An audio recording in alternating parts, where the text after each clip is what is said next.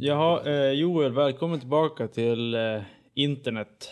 Din, din röst kommer att rida vågorna. Ja, det ska bli underbart. Internetvågor. Ja. Vad har du gjort? Från Jag? denna Frånvaro. frånvaro? Ja, jag jobbar... Publiken har ju skrikit efter det. Ja, jag vet det. Eh, för, först och främst vill jag hälsa till Jacke, det är underbart att vara tillbaka. Det, det är bara för Jackes skull som jag är tillbaka nu. Eftersom han har trakasserat med både mig och mina närstående för, att, för, för min återkomst. Nej men vad jag har gjort är att jag har jobbat tarmarna ur mig ungefär. Vi har, vi har ju bryggt en massa julöl nu. Är det med Joels tarmsmak på? Ja, faktiskt. Jag kan inte, jag kan inte garantera att den är helt fri från det. Faktiskt. Och, och då kan du göra lite reklam nu. Kan du berätta lite grann om julölen? Årets julöl. Ja, jag, jag, håller det kort. Den är bättre än den någonsin har varit. Ja, det var bra. Ja. Nej men jag, det är många som har frågat men det är många faktiskt som har sagt att den är fruktansvärt god i år också. Så vi har fått Den bra, är släppt. bra respons. Ja, den släpptes för två veckor sedan. Mm. Jo men just det, för Linwood köpte ju, jag pratade med honom för några dagar sedan, han köpte ju typ 12 stycken. Ja, just det. En, en hel back. Och han smsade mig typ samma dag som det hade släppts bara Jag kan inte beställa den till Älvdalen, jag kommer, jag kommer bli utan. Och jag bara, nej ta det lugnt, vi, vi har inte bryggt färdigt det sista ens. Då hade vi typ två veckor kvar att, att brygga jular också så att För, de, för nytillkomna tittare så kan vi avslöja att det är Kallholmens bryggeri vi pratar om. just det. Smygreklam. Nej, inte, inte sen smyg. Inte ens smyg. Nej. Jag, vill också passa på att göra reklam för Landrins bil. Ja. Samt, eh, ja. Vad har vi mer gjort reklam för? Ja, det var ju något annat. Det var, något, det var, var inte något bilmärke också. Mercedes. Ska man säga att all publicitet är bra publicitet så har vi gjort ganska mycket reklam för Metallica bland annat. Sa, Speciellt samt, en massa, samt en massa barnvåldtäktsmän och annat. Kan man, göra, kan man göra reklam för en aktivitet? Mm, barnvåldtäkt. Ja, då, den har ju fått väldigt stor... Men måste det inte vara en kommersiell aktivitet då? Som man Undrar om vi kan bli sponsrade av barnvåldtäkter. Alltså, man får, det är olagligt att eh, göra barnporr, men det är olagligt att göra sprit också. Men det görs folk som gör det och säljer det. Så att det är Mm. ju kommersiellt barnporr, kommersiellt också. Sprit kan man göra lagligt också. Jo, men olagligt också. Mm, Fast barnporr kan du inte göra lagligt. Okej, men man, äh, göra eh, LCD? Nej, LSD. göra LC, Jag, jag brukar göra lite LCD-skärmar på fritiden. Ja, Helt olagligt. Det får man Alltså- bara göra i Asien. alltså undrar hur många avsnitt, procentuellt hur många avsnitt som vi har pratat om barnporr i. Ja, Det är ganska många. I alla fall det här. Ja, fast den inte var på agendan. Hur många... Nej. Alltså, undrar om vi slår rekord i att snacka om barnporr på podcast. Ja, Det är skulle vi kunna ha som marknadsföringsslogan. Mer barn, barnporr än någon annan podcast. Children, fr- children friendly unit shifter. Frågan är om vi ändå, var- när vi ändå håller på, varför kan vi inte kan starta en till podcast som bara pratar barnporr?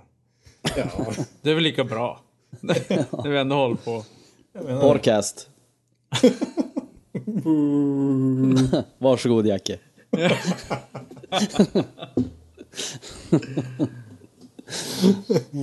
Åh, herregud. Sk- skulle vi prata om något eller? vad?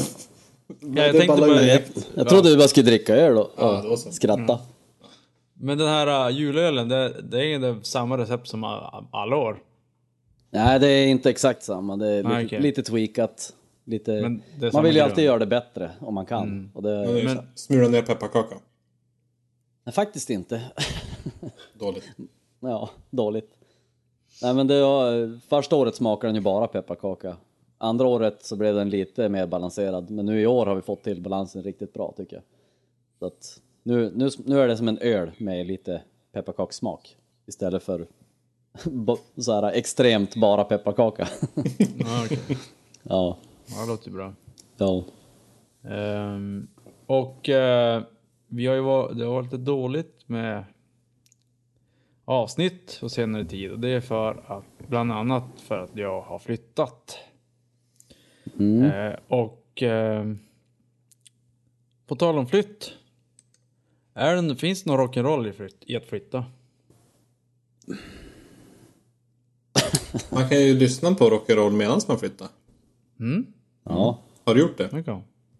Ja, det har jag. Ja, men då så. När man har kört bil och sånt. Mm. Men det har blivit jävligt mycket Jeff Bridges kan jag säga. ja. Men det är ju coolt, man har så här... När jag flyttade i alla fall nu i somras, då hade vi hyrt en ganska stor bil. Så lastbil. Det största man får köra utan att ha lastbilskörkort. Och då, det är ganska rock'n'roll att köra. Då har man ju en sån här stor ratt ni vet. Som är som Ja, ja. lastbilar. Och så sitter man helt högt uppe. Då känner man sig som on the road again. Men det känns mer som gubbrock'n'roll då, Jo, lastbil. Förvisso. Fast, eller Jeff Bridges, ja. varför inte? Ja. alltså country kanske. nästan. Men om man skulle köra en van, det är ju jävligt rock'n'roll med Mm. van. Det är rock'n'roll. Har ni varit ska- på turné någon gång i en van? Jo. Ni har det? Jo, vi hyrde ju en Ja. någon gång. Turné, det var väl inte turné direkt. Det var, det var, det var- en, var en spelning. I Sundsvall va? Nej, det var ju i, Nej. Nej! vad heter det? Arjeplog typ. Ja. När vi inte visste om vi skulle till Arjeplog eller Arvidsjaur. det var så rätt i alla fall. Ja. jag är så jävla dålig. Vilken är det som kom först nu då? Är det Ar- Arvidsjaur? Arvidsjaur är Ja. närmast. Och så bara, ja vi ska till Arjeplog. Och så kör vi förbi Arvidsjaur. Och så efter halv, ja, någon, någon mil. Jag bara, "Åh, vänta nu, var det i Arjeplog eller Arvidsjaur vi skulle spela? det är fan inte lätt att veta. Paniken, för de ligger ju inte alldeles bredvid varandra heller. Nej, Nej, exakt. Man kan inte snippa och kolla. Nej. ja, det var en rolig spelning. Ja. Mm. ja, det var ju riktigt bra. Men var det, var det framförallt att åka i vanen som var roligt eller var det spelningen? Det var som allting faktiskt. Helhet. Det, man kände sig som en rockstjärna på hela den spelningen. Alltså, Ja, för för att- kidsen var ju så här, woho! Jo, de hade ju lyssnat på våran demo. Vi hade skickat våran demo dit tror jag. Ja, just Och så hade så här, det var ju två killar typ som var så här, ledare för någon fritidsgård eller någonting. Som hade spelat upp den där för kidsen. Så de kunde ju typ låtarna och allting. Shit! Ja, Ja, de, hopp, de hoppar ju och det var ju värsta morspitten. Ja, exakt. Och jag, jag, jag bara, åh, helt, jag vart helt peppad så jag tog av mig basen och hoppade ner och morsade med dem ett tag. Ja, just ja. Det kan ha varit den sista spelningen där kids morsa någonsin. Va? Det gör de ju hela tiden. Alltså, nej. Va? Nu sitter de ju bara på datan. Ja, Men, nu går det. Har ni varit på någon spelning på de senaste tio åren pojkar? Ja, Ja, men Joel- man måste ju få överdriva lite grann. Det är fan morse. Jag tycker morsas mer än någonsin. jo, jag tycker också det. Joel, han, han har mer och mer data. Ja, ja, det kanske är så. Det är mer extremt nu. Det morsas extremt så här, men de som inte morsar, de är inte ens på spelningen. De sitter hemma. Ja, jo, så är det. Så kan det vara. Förr fanns det som både och. Man kunde gå och se en spelning istället för att typ hänga på ungdomsgården eller sitta hemma. Men nu är det som bara sitta hemma eller morsa. Spela Wobben. Ja, vo- vov eller mors. Mm. Fast det värsta att om man säger Wobben då är det som, Vi säger ja, det det är en sån här men, den här spelningen i. Arjeplog. Nu är det typ Minecraft eller det här Det Jonta pratade om. Vad fan var det? Oj, ett problem har Va? uppstått i det här samtalet. Har han något nytt Jonta? Hallå? Alltså det var ju ett spel som är typ det mest spelade spelet ever. Och jag hade aldrig ens hört talas om det. Jaså? Det var inte Dota. Det var inte Wobben och det var inte Minecraft. Alltså något nytt eller är det något gammalt? League of Legends heter det. LUL. Tror jag. Jaha. Har jag- Nej, League of Legends. Vad heter den där filmen? Starlord. Fråga inte mig. Vad har du inte sett den? Starlord? Han heter Starlord. Jaha, Guardians of the Galaxy. Ja, Ja, ja. League of Legends. Han var inte så lik. Vad heter Men- spelet då? Eh, jag, ja. Guardians of the Starlord. Nej men jag tror att det hette det, om det var det där LOL. Okej, ja ja, men för att å- återkomma till ämnet flytta. Ja. Eh, det enda vi kom fram till, det rockiga, det var att köra en van. Om man har en van. Det har man oftast inte när man flyttar. Eh, det enda jag kommer att tänka på när man att flytta det är att du kan leka att du är en roadie. Mm, just det. Ja, det kan man ju Eh. faktiskt. Jo, Gjorde du det när du flyttade nu då? Ja, jag flyttar ju faktiskt lite gitarrer och sånt. Så att, Ja, okej. ja, och, Och så, ställde du upp dem och så här stämde dem lite grann? Och... mm, och, så, och så käkade jag jävligt flottig mat. Och eh, typ låtsas att jag var, hade ingen fru. Hade ingen fru. Ja. Ja, det har jag inte nu heller. Ingen dam. På, Ja. Och eh, bara gillar rock'n'roll. Och så skulle jag så här flintskallig. Och, lite, men ändå behålla lång, det långa håret. Mm. Mm. Eh, det, så tänker jag att en roadie är. Hur tänker ni att en roadie är? Ja. Alltså det finns ju som två olika roadies. Det är ju, det är ju dels den som du pratade om, den här eh, erfarna roadien som var med på, på Led Zeppelins tid. Eh, men sen så har du ju också de här eh, rookiesarna som är up and coming. Det är ju många som man har hört som är sådär, de börjar som roadies typ. Fick följa med med sitt favoritband när de var 16 år gamla och hjälpa till lite grann. Så jag tänker att det är många kids också. Ja, faktiskt. Nu när du säger det. För när man går på konserter så är det oftast eh, eh, killar i, som är ganska spänkiga och går med svarta tajta jeans och med någon så här. Eh, det är oftast att de har vad heter det, passerkortet eller så här, som hänger och dinglar på sidan eh, med nycklarna. Och så har de en, en svart hood som är uppdragen och så har de oftast hooden uppe. Eh, och så går de och ställer så här. Men de ställer mycket så här flaskor, gla, eh, vattenflaskor och sånt på förstärkarna och sånt där och står i micken och sånt. Ja, Ställ mycket vattenflaskor, det är som deras huvuduppgift. Ja. Ställa vattenflaskor så här lite diffust på. Jag Mm. och tänker så, gå, den... och så of, ofta gå ner och upp typ 20 gånger bara för att bara, oh jag får gå upp en scen. Jag, jag ser precis den roadien framför mig som du beskriver, men min klassiska roadie det är ju en stor jävla biffig kille, eller inte biffig men Tjock. tjock. Och så äh, gärna kanske rakad skalle och så fett skägg så här. Alltså han, han ser ut som typ en någon sångare i något så här obskyrt stonerband eller någonting. Alltså han ser ut som att han skulle kunna vara någon som ska stå på scen egentligen. Är lite Men- motorcykelknutt... Eh, Ja precis, precis. Ja. Och så har de ofta en väldig pondus så här, Som att de, de, de vill som ta plats på något sätt. Men det kanske är en 10-15 års... Alltså för 10-15 år sedan kanske de flesta roadies såg ut så. Idag är det mer den här emo Ja, spink. Spinkrottan med lite svart hoodie som han ser väldigt anonym ut men han gillar att dingla med sitt kort och gå upp och ner på scen som du säger. Så att det ska, Ja, så, så det ska just synas. Att, just att kortet hänger där ja. Och det, är all, det är så roligt att alla ser exakt likadana ut. Ja. Men eh, tror ni att det är någon som bara, ja, för det är många som säger, åh jag ska bli sångare i ett band. Eh, eller jag ska spela gitarr. Det är ingen som tänker, åh jag ska spela bas i ett band. Men är det någon som tänker, åh jag ska bli roadie när jag blir stor? eller är det så här misslyckade?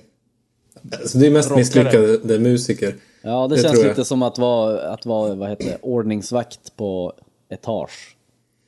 Man ville bli polis men man, blev, Ja, man, ja, klar, man just klarade inte testerna så man blev ordningsvakt istället. Ja, men så tror jag att man har lite den här äh, fan-grejen liksom. Jag vill bara vara nära de här äh, några stjärnor och så börjar man vara roadie till ja, något Ja. halvlokalt band. Alltså tänk Oh. mig att jag kanske får, må få trä träffa eh, Kiss sen. Eller någonting. Exakt. Det gjorde ju Funkedan. Han var ju roadie till eh, eh, Fritte. Ja, Vad Wade. heter de? Wade. Ja. Det var ju så de började hänga. Precis, jag tror att det är ett bra sätt att liksom få kontakter i branschen. Så att eh, är man lite smart så tror jag inte att det är, och lite klurig och driven så då tror jag inte att det är en jättedum idé. Att börja där och lära känna folk och kunna eh, ja men du vet dela ut sin demo till dem och Precis. Och så får man ju lite rutin på att rigga grejer bara om inte annat. Ja precis och se hur stjärnorna gör liksom när de är på scen. Indirekt, ja, indirekt scenvana. Mm, ja men precis. Och om du har tur och roada åt ett band som åker utomlands så får du faktiskt resa också. Mm. Ja, det får du också om du far till Umeå. Ja. Får du fara till Umeå. ja, eller Arjeplog. Ja. Ehm, ja. Ja. Jag tänkte på, jag började tänka på en annan grej. Eh, alltså när man om man roadar eh, åt, roadie åt någon då är man ju liksom, då, som sagt då kanske man börjar med något lokalt band. Man kanske inte åker till LA och hittar något band där. Eh, så då kanske man blir influerad av liksom de lokala banden. Och så. Jag tänker att det var mer så förr. Att man liksom hade sin lokala musikscen och att man influerar varann. Att, eh, jag tycker att det är mycket så eh, man hör att ja men du vet vi hade så här, ja, men, om man säger Seattle-ljudet eller eh, man har Umeå, hardcore-scenen i Umeå eller eh, The Gothenburg sound eller vad det heter. Göteborgs soundet och sådär. Eh, att, att liksom när man är på samma ställe så, så formar man en typ av musik och en, en stil. Jag tänker, är det så fortfarande? Jag, jag tänker att det kan inte vara så nu. Nu spelar inte jag musik längre men det känns som att nu är det så globalt med musik så att eh, det, det spelar egentligen ingen roll vart du kommer ifrån. Du, du har väldigt lätt att få tag i musik från vart du vill. Din teori kommer från eh, rätt håll och har mycket pondus tycker jag. Eh, något flintskallig dock. men annars Ja, det var det bra. Mm. Nej men, jag håller med dig. För det har man alltid hört att typ så här när de var de här stora banden. Som Seattle-grejen. Att de spelar för sina kompisar. Att det var typ tio band och så spel, gick de upp och spelade och spelade egentligen bara för andra band. Mm. Unge- Ungefär som alla gör. Ja. Men däremot som du säger, inspirationen, den kan inte... Det måste ju vara lite mer globalt nu. Ja men så tänker jag också att eh, vi eh, när vi spelar med mitt senaste band då, då spelar vi kanske inte så mainstream musik direkt. Och det var, då var det just väldigt svårt att spela för sina kompisar för ens kompisar tyckte att det sög. Eh, så att, men, men jag tror att eh, på en, hade vi hamnat hos rätt personer runt om i världen så hade säkert det varit tillräckligt många som gillade oss. Eh, och, och, och om vi hade fortsatt utvecklas liksom. Men, Men men, menar- bland ens kompisar så fanns det, så fick man liksom inget, ingen support för det var för konstigt. Folk ville hellre höra något Metallica typ. Ja, men nu, när du säger kompisar, menar du vanliga kompisar eller musikerkompisar? Ja, men man eh, har ju För- kanske mer vanliga kompisar. Men visst, hade man hängt mer i musikkretsar så kanske det Ja, hade varit... det, var det, det var det jag tänkte, för de, de säger det att of- ofta, eller de, men alltså när man har hört historier som det du pratar om, så är det ofta så att de spelar för andra band. Ja. Alltså inte kompisar utan... Ja, men så blir det ju också när man är på demoscenen. Att man, man träffar ju på samma band hela tiden. För man är på samma festivaler och samma spelningar och, och spelar förband åt varann och sådär. Så att det blir ju mycket att man... man, spelar, så på så sätt så formas man ju säkert av varann lite grann. Ja, det är oundvikligt. Men jag tänker att ändå att, jag menar som när vi tre spelade ihop, vi hade ju som eh, musikinspiration var väl mer Kalifornien än Skellefteå. Ja. Liksom Ja. skatepunk från Kalifornien. Ja. Men då delar Eh. man ju inte replokal med några världsakter heller. Nej. Hade man gjort det kanske man hade varit mer influerad av dem. Eller vad, ja. Ja, jo men så kanske i och för sig. Så, så kan det vara. Men Ja, men jag tror också det... Ja, det var redan på 90-talet att det började spreta åt alla håll. ja, jag tänker också det. Att det är redan, redan då. Redan då när vi var unga så började det Ja. vara att okej, nu kan man lyssna på punk från från andra sidan jorden som du aldrig har hört. Du skulle aldrig ha hört det på 80-talet. Typ. Ja, det Precis. Nej, men det är nog svårt. För det som man hör ofta är så här, ja men vi, har, vi hörde ju talas om att det var den här liksom, punkvågen i England och man fick tag i någon singel, någon hade något blandband som hade varit där.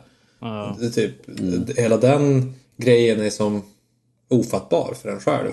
Man bara, vadå svårt att få tag på? Det var väl bara att köpa i en skivbutik eller vad som helst. Men, Ja. Jag menar, in, när, vi hade börjat, när vi började spela med varandra så hade ju alla redan kommit i kontakt med Bad Religion till exempel. ja. Det var ju genom, för mig var det genom ett typ mixband första gången man lyssnade på dem. Mm. Mm. Och jag tror faktiskt till och med att det var eh, No Control, den skivan. Okej. Också- Som firar, vad var det, 25 år nu? Jo. Ja. Och då... Eh, det var ju intressant Joel. Eh, har Men började har du lyssna på Battle Legion redan på No Control? Det var helt tidigt. Hur... Ja, Kan, kan du berätta mer om den här jag, historien? jag börjar inte lyssna. Din på- första kontakt med... Min första Bad kontakt Religion. med Bad Religion var, alltså jag tror det var låten Generator, eller nej, Atomic Garden var det faktiskt. Ja. Ja. Men då är det ju från Generator-plattan. Ja, det är från Generator, men det var efter, eh, kort efter det så fick jag tag på eh, No Control på något sånt där blandband. Mm, okej. Eh, massa låtar från den i alla fall. Och sen eh, önskade jag mig den skivan i julklapp och fick den.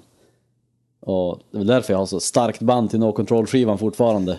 Ja, det är ju typ Det har ju deras... alltid varit no control. Eh, eh, att du alltid snackade varm, varm om den. Ja, men du vet ju varför. Den är underbar. Ja, nej, den, det, det blir ju ofta så att det, första man hör av ett band är det som man eh, gillar, gillar mest. Och jag tror att det känns i så fall som vi började lyssna på Battle Legion ungefär samtidigt. För det var också Generator för mig och eh, American Jesus-plattan som kom efteråt. Och Recipe, Recipe for Hate. Recipe for Hate, ja precis. Eh, och, men då blir det ju så här att man lyssnar på No Control blev vi långt senare, eller i alla fall en, en stund senare. Och då har ju sån här nyhetens behag redan lagt sig för de har redan fått med, med de andra plattorna. Så då, får, då blir inte en lika speciell. Ja, just det. Men eh, det speciella för mig med No Control var ju just att det var, alltså det är ju en jävla urladdning. Hela den skivan.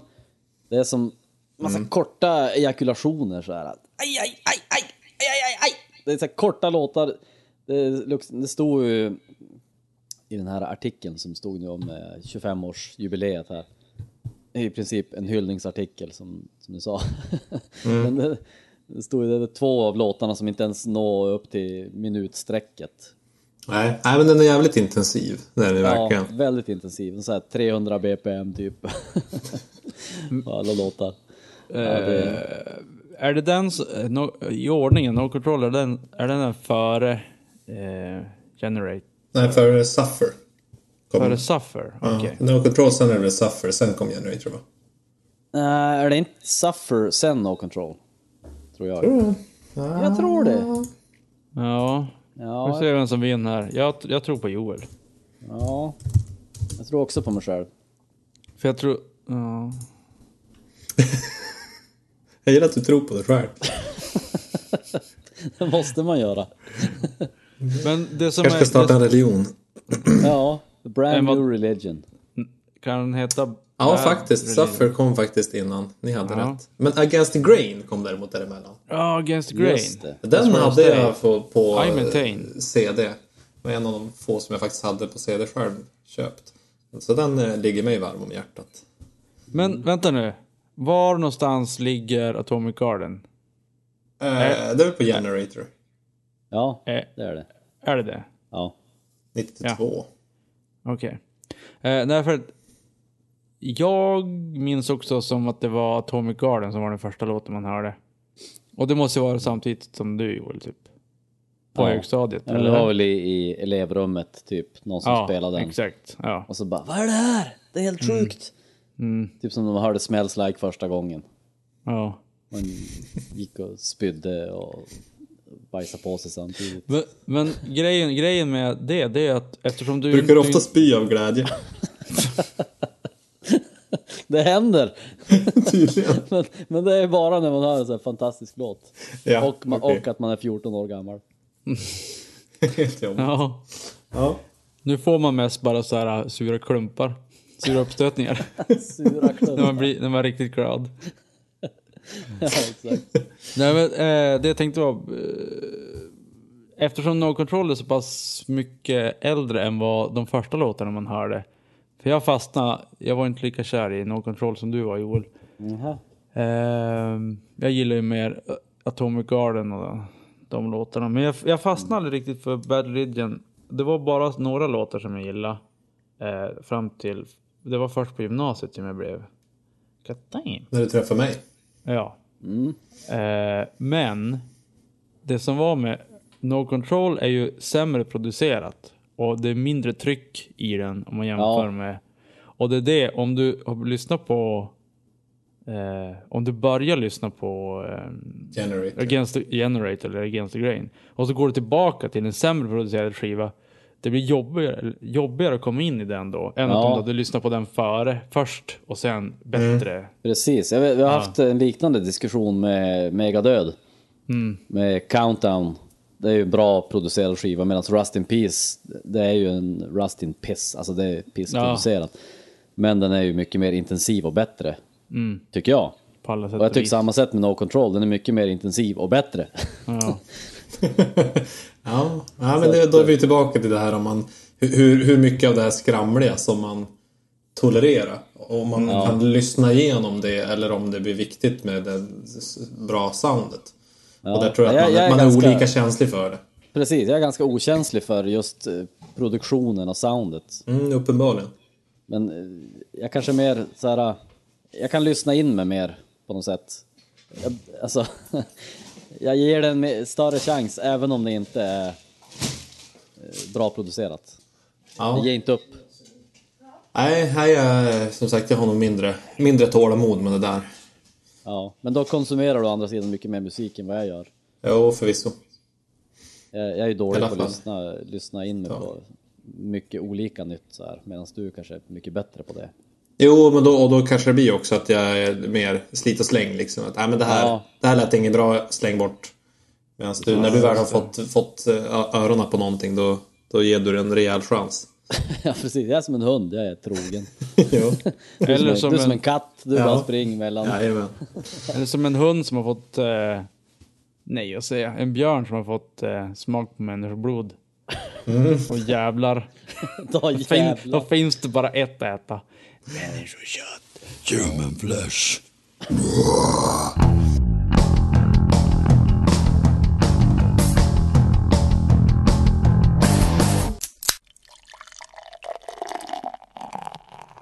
Jag, drick, jag dricker den ultimata rock'n'roll-ölen som jag... Jag sprang bara på den på systemet. Jag skulle köpa en massa glutenfri öl till, till chilikoket imorgon. Oh, har du sett South Park? Nej, det har jag inte men... men eh, det tänker jag göra. Någon gång. Gluten free ebola. Jaså? Det lät bra. Ja, få, få höra vad du har för Nej, men, rock'n'roll här nu. Jag köpte 12 glutenfria öl och så köpte jag Todd the Axeman. Oj, oj, oj. Men Det är dödskalle alltså, på. alltså en... Jag först tänkte jag, vad fan är det här? Det är alltså en eh, India Pale Ale från Amager Bryghus i Köpenhamn. Mhm, mager. Yes. Eh, jag kan läsa på flaskan direkt här, för jag är själv ny för den här historien. Det står så här. For quite some time the Amager crew has been discussing this question. Which person is the most rock and roll in the whole craft beer world? Is it Barnaby, Str Barnaby Struve, står det, of Three Floyds, or is it Todd Haug of Surly Brewing? In the end it wasn't really all that difficult to decide since only Todd has played for, och så är det en lucka in a, och så är det en lucka till, movie. Yeah, och så är det en lucka till. Was in that same movie, but since when did he count? And, and Todd plays the guitar in both a speed metal band and a stoner band. Eh, ja, sen står det en massa annat tjafs. Så de kallar han Todd the Axeman, för han spelar ju... eh, Ja, Yxa. Han spelar yxa, precis. eh, en potent IPA laddad med färsk amerikansk humle. Ja, har du fått reda på vad han spelar i för band och vad han har varit med i för film? Nej, det var den researchen jag försökte göra i panik här under inledningsstadiet av podcasten. Men jag hittade ingenting. Däremot eh, länken jag skickade till er hade en bild på förmodligen hans band då, och det, det såg verkligen ut som rock'n'roll. Så att jag tyckte den här ölen passar ju perfekt för min återkomst här ikväll. Ja, det var bra. Verkligen. ja, Hitta en rock'n'roll-öl. Åh jävlar. Det var rock'n'roll killar. ja det, om det är hans stonerband eller om det är hans eh, speed metal band. Det såg nästan ut som det kunde vara stoner. Ja, han till höger ser nästan ut som Tobbe. Ja, lite grann. En lite sunkigare version av Tobbe. Ja. Precis. Uh, själv så dricker jag uh, Omnipollos Nebuchadnezzar. Eh, en, eh, det är ju en extremt väl eh, uppratad öl. Mm, Som jag fått vunnit en massa Ja. priser och jag kollar så här på, vad heter det, ratebeer.com Mm. där de har fått 99 overall. Ja. Så att den är ju... Ska ju vara väldigt, väldigt bra. Och jag älskar ju Omnipol Leon. Så jag tänkte att... eh, Och på mitt lokala systembolag så hade de massor med Omnipollo helt plötsligt en dag. Så att jag passade på att köpa på mig lite olika. Jag tror att jag drack en Omnipollo i förra eller förra, förra avsnittet också. Men den var inget vidare. Däremot den här är ju eh, riktigt nice. Den gillar du. Ja. Det där är faktiskt en nutida klassiker, skulle jag nästan säga. Det är till och med så. Den är, Oj, oj. Den är ju omtalad överallt, men kanske Tydligen. tack vare sitt betyg. Jo, precis. Jo, den verkar ju vara det. Så att, eh, men en I- Imperial India Pale Ale. Men jag jag tycker inte att den är så jävla humlig och besk och hemsk. Utan den är... den är ändå... Ja, men den har det här typiska Omnipollo eh, grejen, då är det champagnegästen som de har som gör att den blir så himla lätt och frisk och trevlig. Eh, men eh, ändå mm, mycket mer smakrik än Leonen. Så att, nej. Den var, den var inte dum. Eh, Jag har druckit den där, men jag, jag var inte så jävla imponerad. Men ja, man kanske ska köpa en gång till. Testa. Så, jag- med en sån där öl, just en dubbel-IPA, det, det blir så otroligt viktigt att få en färsk flaska. För annars så tappar du hela grejen med, Ja, ja, med stilen. För ja, en dubbel-IPA ska ju vara massor med humle arom och så en jävla jävla beska liksom. Beskan finns ju kvar, men får du inte de här aromerna så blir den ju väldigt obalanserad och då blir den fan inte bra. Och jag tror, inte, jag tror aldrig jag har fått en färsk eh, Nebuchadnezzar faktiskt.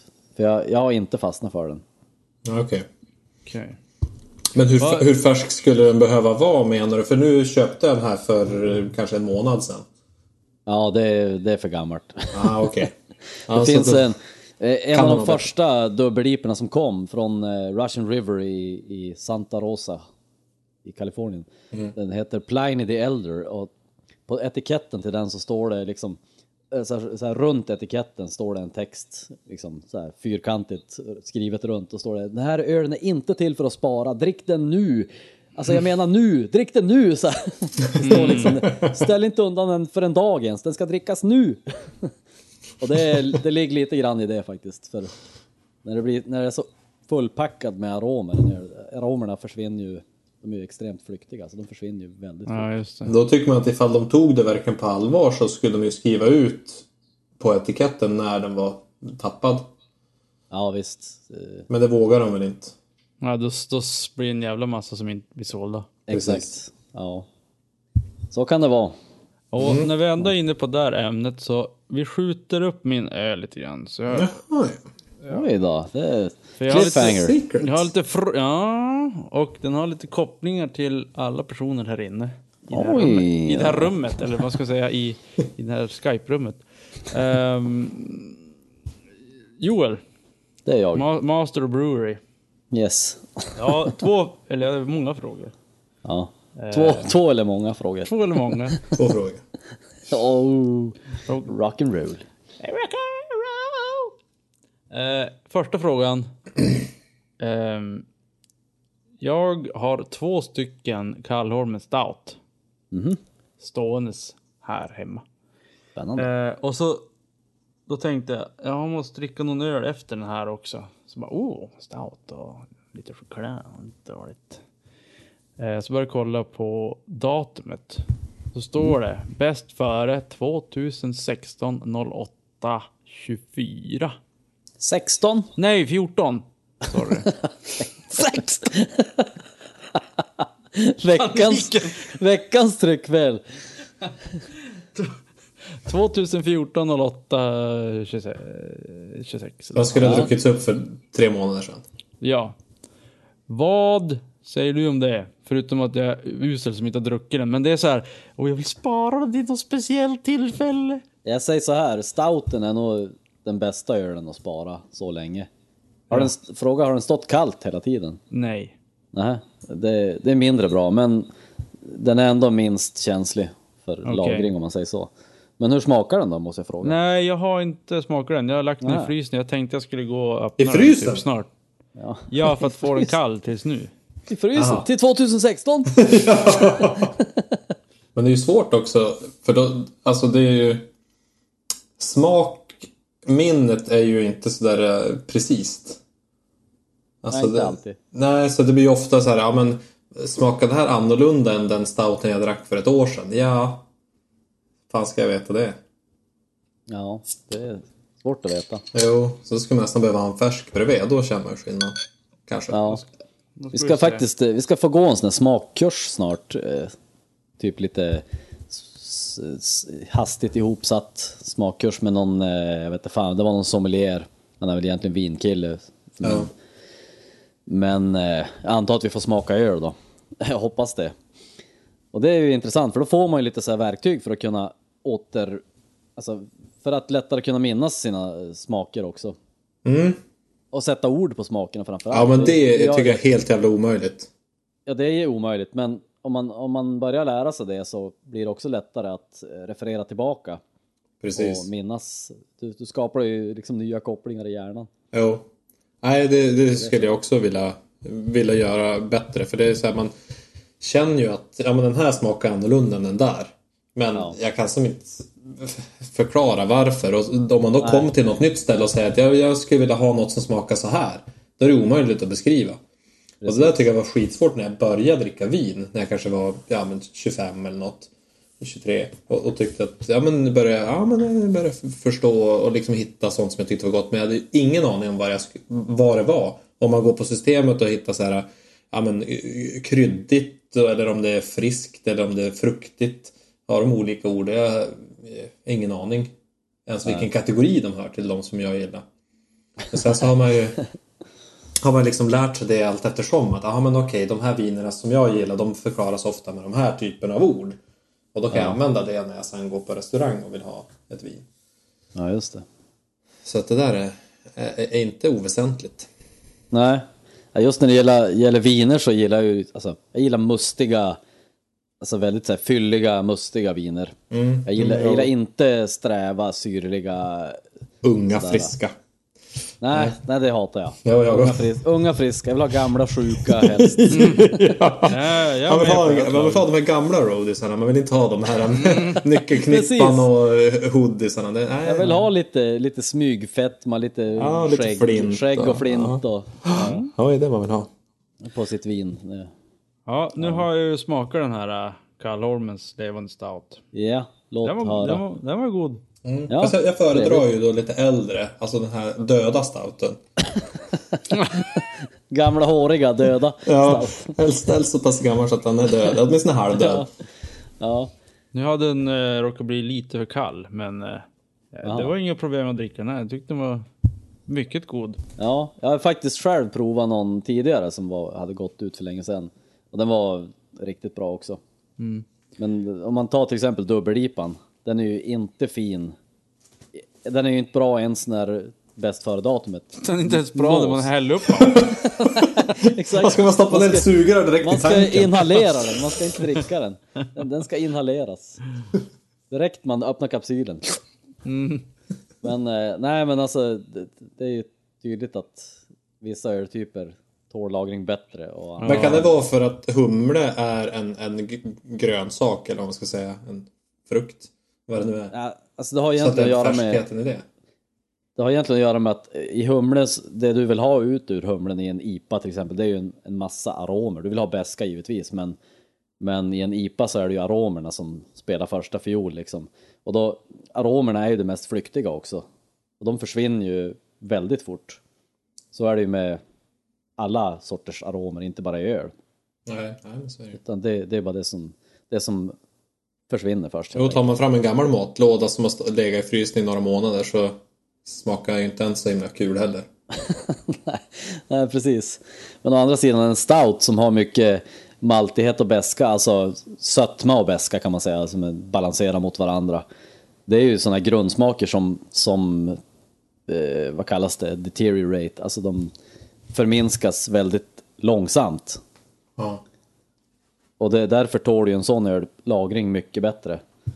Men som sagt en, en IPA då, den, den, den eh, förändras i smak väldigt fort. Finns det någon öl som tjänar på lagring ungefär som vin? Ja, nu Ja. när du kom in på lagring, det var min... Jag hade tänkt Andra göra en, jag hade tänkt göra en segway dig på grund av lagring, eller... Men då han, Edik... Jag är så jävla... Ja! Jävla hugget? Det kändes som en gammal roadie. Och du när unga snäppiga. Ungen bara spring upp på scen. Jag bara, "Åh, jag orkar inte gå upp på scen nu. Jag går upp just, just när jag ska stämma gitarr. Ja, få höra Först nu. ska jag äta en På tal om hamburgare. lagring. Lagrade hamburgare. Lagrade eh, öllagring. Mm. Eh, eh, för det första, flaskan. Mm. Eh, en ljus flaska, eller genomskinlig flaska, är ju sämre för ölen än en eh, eh, ja, Mörk. mörk. Ja. Berätta. ja, det har ju med solljus att göra. Eller ljus överhuvudtaget antar jag, men solljus är det värsta. Men eh, allt ljus som kommer in i flaskan, det förstör ju också. Alltså det, det ja, jag kan inte, jag kan inte exakt så här kemiskt bryta ner och förklara formeln, men, men det försämrar smakerna helt enkelt. Ja, så egentligen Alltså, all öl som har ljus flaska är, det är inte bra. det är inte Eller- bra för att spara, men det är oftast de öl som ska drickas i mängder väldigt fort. Ja, lager och sånt. Typ Corona och såna här. Ja, exakt. Så de är inte gjorda för att lagra heller. Nej, för det var, jag eh, pratade med en kille. Och han bara, åh skottar! Och sina jävla ljusa flaskor. Han var helt sur på skottarna för de hade bara ljusa flaskor i. Ja, det är sant. Innocent Gun är- ju genomskinlig. Ja, Innocent Gun, men finns det fler skottar som har ljusa? Ja, inte... Ja, jag minns inte vad det var. Det var någon så här konstig skotsk öl som jag köpte. Som jag aldrig talat om tidigare. Mhm. Eh, det var ljusflaska. Men det är inte så många skotska öl som går bra att lagra heller. Kanske We Heavy kan funka. Ja. Men de brukar, så vitt jag vet, oftast vara i mörka flaskor. Ja. Ah, ja. Ehm, Men för sen- att besvara Hediks fråga angående lagring. Mm. Så visst, det är, de, de, de två typiska ölstilarna som tjänar på lagring, det är ju alltså Imperial Stout, det vill säga en jävligt stark stout. Eh, och eh, Barley Wine, med en, typ en jävligt stark ale. Inte kolsvart då, utan kanske lite mer kopparfärgad typ. Ja. Och de tjänar ju på lagring just för att de är så starka och för att de har så mycket mörk, alltså mörkare maltsorter och de har inte så mycket aromer som, som går förlorade liksom utan eh, ja, de har mer den här stabila balansen mellan beska och sötma. Och eh, varför de tjänar på lagring är ju egentligen för att de flesta öl oxiderar ju och blir dåliga. Men när de här ölen oxiderar så kan det ju utvecklas så här trevliga smaker som typ torkad frukt och lite kaffe, choklad och sådana där grejer. Finns det någon eh, generellt hur länge det funkar att lagra eller är det, kan det vara sådana som blir bättre och bättre och bättre eller är det så här efter två, tre år så är det, blir det sämre? Hedik skär alla mina frågor! Du får vara på hugget din gamla roadie. Ja. Nej men det är väl så, alltså rekommendationen om man, om man säger att du gillar en Imperial Stout då köper du 10 flaskor och så provar du en i halvåret. Och så märker du liksom när den är som bäst. Det är en jävligt långsam Nej, Det process. vet du ju inte, du har inte smakat framtiden. Precis, man märker bara när den har blivit sämre. Och då, då måste man skynda sig det- att dricka upp alla. Du märker ju att, ja precis, du märker ju om den börjar bli sämre. Då får du dricka alla, men med ett, på ett halvår så hinner det inte hända så mycket. Men du, det, det är där det kan vara nyttigt också att kunna liksom minnas sina tidigare smaker. Jo. Men då är det bättre Så att köpa 100 och dricka 10 varje gång. Tio varje gång! Så då får du i alla fall 10 som är bäst. För nu får du... Så hinner man i alla fall bli full Och varje gång. sen, sen när du märker att den börjar bli sämre, då har du 70 flaskor kvar. Ja, Så du men måste dricka det, jävligt fort. det kan du bjuda bort på en efterfest. Ja, precis. Druck- Köp så här dyr barley wine för 100 kronor flaskan. Som måste bjuda bort på efterfesten. Nej men eh, det, grejen med de där är ju att det, det är svårt att liksom om du inser att okej, en Yeti Imperial Stout är bäst efter fem år. Jaha. Ja men då, nu har jag lärt mig det. Då är det bara att köpa ett jävla gäng Yeti, typ Hur många dricker du varje år liksom? Du kanske dricker 10 eller Hundra. 20 stycken per år. Ja, då får du köpa 20 stycken varje år. Och så får du dricka dem efter fem år. Men det är en Ja, väldigt långsam... du måste ha tålamod för den processen. Ja, men Och det, det passar ju mig som gillar No Control. det är ju mustigt. Och eh, Rust in Peace, som har lite tålamod. ja. Men du har ändå det är fått smak på jätten. Ja. Det är helt jobbigt om man efter fem år bara, nej fan, jag gillar inte jätte längre. Så man köpt typ i, i fem år har du köpt 20, 20 stycken. ja, men då kan du sälja den till en ölnörd och säga nu har jag Ja, femårig just det. lagrad Yeti här som är som bäst liksom. Så att eh, det Men då Jet- kan du sälja den dyrt. På tal om jätte och lagrad. Mm. Eh, Jag ska bara ställa Ja, en fråga här innan. On fire! Förbannat. Joel, jag har en fråga! Du... jag har köpt en öl här. Smokestacks Series. Special Limited Release Ale. Bourbon Barrel Quad. Ja, Eh, det är 16% ale, 84% Nej, okej, 16% ale, 84% ale aged in bourbon barrels with cherries. Så det är ju cherries, mm, Dr. Pepper och, och bourbon. Mm. alltså om, Bourbon. kö- om körsbärsöl smakar Dr Pepper då skulle jag fan inte dricka det. Men nu råkar jag gilla körsbärsöl. Va? Att det inte smakar Dr Pepper. Nej, tvärtom. Ja, ja, du är udda. Nej, jag är av finaste sorten som gillar Dr. Pepper. Eh, men då, ja, det är ju en sån här stor rackare, en lyxöl. Ja, Kansas City, Missouri. Det stod på systemets hemsida, stod det, kan lagras, jaha. det, Ja, eh, på den här. okej. Eh, men eh, på Yeti så står det inte det.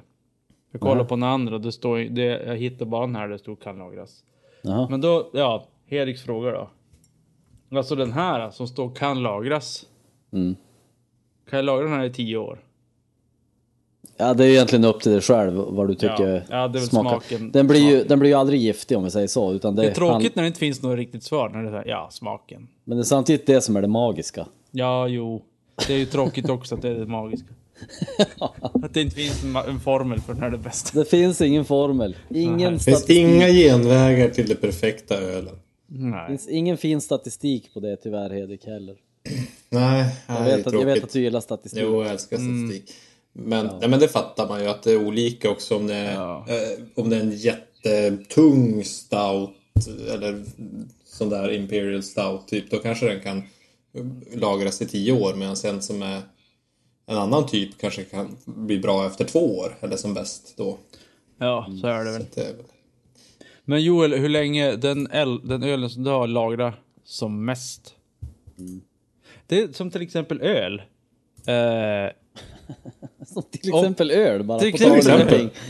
till exempel vin, eller till exempel sprit, whisky. Whisky blir inte bättre när den lagras i en flaska. Nej, Den blir ju bara bättre medan du lagrar den där den ska lagras. precis. Och vin, hur är det med det? Det har jag ingen koll på. Blir det Ja, bättre det- om Det, det det kan du- bättre, ja, det beror ju på vinsort. Men Vin- ja, har vin är lite- en rekommenderad ålder. Att det, det här ska drickas på en gång eller eh, upp till fem år eller vissa kan ju lagras i princip hur länge som helst. Ja, men nu snackar Ja. jag om de som står, där det står på systemet kan lagras. Ja, Ja, men det, fem vi, år. vin och öl är ju lite samma sak. Fast vin har ett längre lagringsspann. Innan det blir dåligt. Öl har kortare. livslängd. För det är väl för Som du säger Erik, vissa viner, vissa viner går att lagra forever nästan. Ja. Medans eh, det finns inget öl som går att lagra forever. Men jag antar att det är för att de är ju levande produkter på ett annat sätt. Alltså en sprit är ju destillerad. Och det innebär eh, per definition att den är död. Den är död, precis. Och den blir ju bara sämre när du öppnar flaskan. Alltså när, du, när du öppnar flaskan så börjar den oxideras. Och visserligen går oxidationen mycket långsammare än i en öl eller vin. Men ändå så blir den sämre efter något år. Ja, men i alla fall, en till fråga om öl. Ja. Eh, om man ska lagra öl. ja. Eh, för ibland, den här, det är någon, jag vet inte om det var den här ölen som jag pratade om nu, den här uh, Bourbon Barrel, eller om det var någon annan. Som bara, okej nu ska jag dricka den, så stoppar jag in den i kylen. Och så bara, nej det blev inte, ja, då tar jag ut den i kylen och stoppar in den i Så det, blev, det blir flera gånger kyld, inte kyld. Kyld, inte kyld. Är det bra? Nej, är, är det väldigt dåligt? Eller är det typ så här, ja, det spelar ingen roll? Eh, ja, jag ska ha ett intrikat svar på det. Alltså, när du ska lagra en öl eller ett vin så är det ju bra att du har en hyfsat stabil temperatur. Men det är också bra att det skiftar lite grann i temperatur. Att det går lite upp och ner. Och det är egentligen för att få igång det lilla som, det levande som finns kvar i ölet eller vinet. Så att det, alltså, Ja, ja. Om, det, om det är helt stabil temperatur så, så blir ju aktiviteten ganska stabil också. Det händer inte så mycket. Men om, om temperaturen höjs och sänks och höjs så under de här topparna så kommer ju gästen eller vad det är som finns kvar i ölet så kommer det att vakna till lite mer och jobba lite mer så att säga. Och utveckla smakerna. Så att på ett sätt är det ju bra att det går upp och ner men tar du, ut, Extrema. ja, tar du ut den ur kylen så får den värmas upp till rumstemperatur och sen kyls den ner igen till, till jättekallt, alltså kyltemperatur. Så jag törs inte svara säkert på det men det känns som att det är sämre, det, det förkortar kanske livet. Det känns som att det är sämre. Jag tror att jag är ganska säker på att det borde vara det. Jag vet jag hade när eh, morsan och farsan hade firat 30 år som gifta då köpte jag ett 30-årigt vin till dem. Eh, och då pratade jag med då han på systemet som sålde de här fina vinerna. Eh, och han hade en lång, lång rant om hur dåligt det var med folk som hade sitt vin i köket. Det skulle man absolut inte ha. För det är det sämsta rummet att ha det i. För där går temperaturen upp och ner så mycket. Det man har på spisen och diskmaskinen och eh, hittan och dittan och temperaturen varierar alldeles för mycket. Han var helt inne på att det ska vara så stabil temperatur som möjligt. Det spelar egentligen ingen roll om du har den i en källare eller en vinkyl eller i liksom rätt temperatur eh, som, som man får lära sig då. Eh, huvudsaken är bara att det är en jämn temperatur. Ja, fast då ska jag tillägga där att har du den varmt så kommer den att hålla kortare än om du har den kallt. Ja, Och en vinkällare ska väl hålla 16 grader kanske eller sånt där. något sånt. Och har du den i, i köket där det kan säkert stiga till 25 grader eller så här ibland. Så är ju det, alltså det påskyndar ju alla kemiska processer och även oxidation, alltså allting liksom. Så att, vilket också betyder att det förkortar livet på drycken. Ja. Nej men det låter ju rimligt. Ja. Så att, eh, Nej, jag tror ja. inte att du ska ta ut och in i kylen i alla fall. Nej, men det har bara blivit så eftersom jag bodde där jag bodde. Det, om man hade stoppat in den en gång och så bara, "Ja, jag ska in med typ en lök. Ja, då måste jag ta ut en öl. Ja, ja just Men, det. men nu, nu har jag stoppat in den i kylen för att jag skulle dricka den när vi hade flyttat som så här, oh, eh, lyxa. Men det har Ja. aldrig blivit för det, ja, det kommer saker emellan. Men jag har en fråga till faktiskt. Men imorgon smäller det. Eller jävlar ska dricka den. Ja. Eh, jag- En fråga till har jag inte eftersom jag inte haft en fråga, men jag har en fråga. Angående din öl som ska gå att lagra. Ja. Står det någonstans på, på etiketten att den är bottle conditioned? Eh, ska vi se här. Jag gissar att det gör det. Bla, bla, bla. Då låter det som att den är flaskjäst. Om de har blandat den med Med annan ale, ja. Ja, färsk ale. Det, be- det Ja, det betyder stod- förmodligen att den, är, den har jäst lite grann i flaskan för att bilda sin egen kolsyra och så vidare. Exakt, och det en, en, det. sån öl, en sån öl blir ju konserverad av flaskjäsningen. Och därför, jag tror det är därför det står på systemets hemsida att den går lagra. Mm. För en flaskjäst öl är mycket, mycket mer tålig för lagring än vad en, eh, en artificiellt kolsyrad öl är. Ja, okej. Just det. Ja, för det står här 16% ale och 84% ale aged in bur bourbon det. barrels. Ja, Ja. just det. För att när du tillsätter kolsyra och tappar den sen så får du alltid in lite syre i flaskan. Och syre är ju det värsta. Liksom, oxidation är det absolut värsta för ölet. Det, det är det som gör att livslängden förkortas mest av allt. Solljus det är liksom nummer tre eller någonting. Ja. Men om är- du, om du flaskjäser ölen så då kommer ju själva jäsningen på flaska att käka upp syret i flaskan. Ja, just det. Så att då, då blir den som konserverad kan man säga.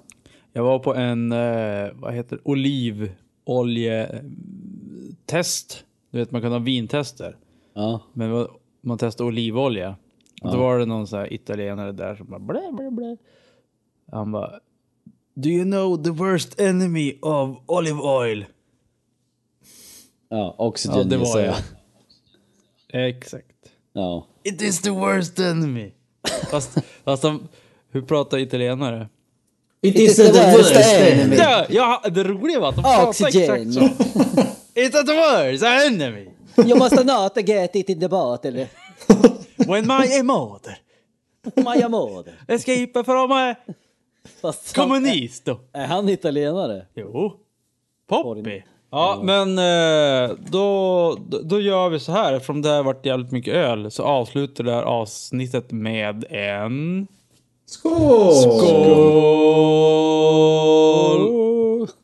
Ja, ska vi ha trestämmigt?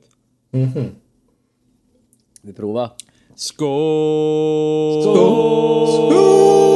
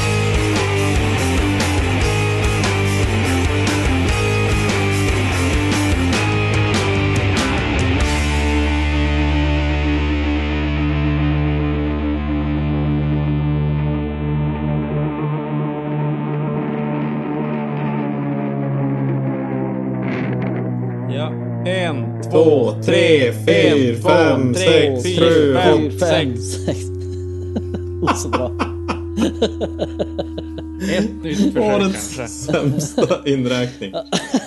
Ja, jag har glömt hur vi ska göra. En, två, tre och så börjar jag om. En, två, tre. Jaha, Ja. till tre bara. Ja, ja. Fast sen så räknar man tills man, tills man inte orkar. Tills man inte orkar längre. En miljon.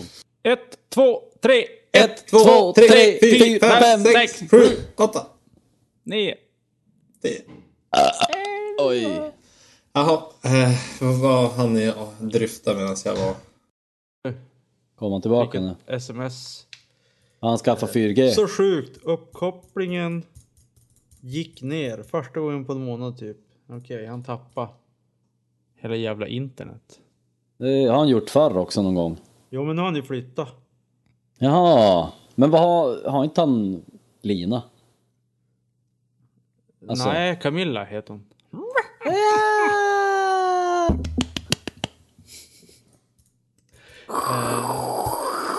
ja. Nintendo-applåder. Eh, jo, det har han väl. Ja. Då kan det väl inte bara försvinna sådär? Kan det? Jo, vad fan, det kan ju gå när... Det kan ju sprängas eh, Ja men eh, det skulle vara intressant om du... jag går och hämtar den nu då. Ja, ja.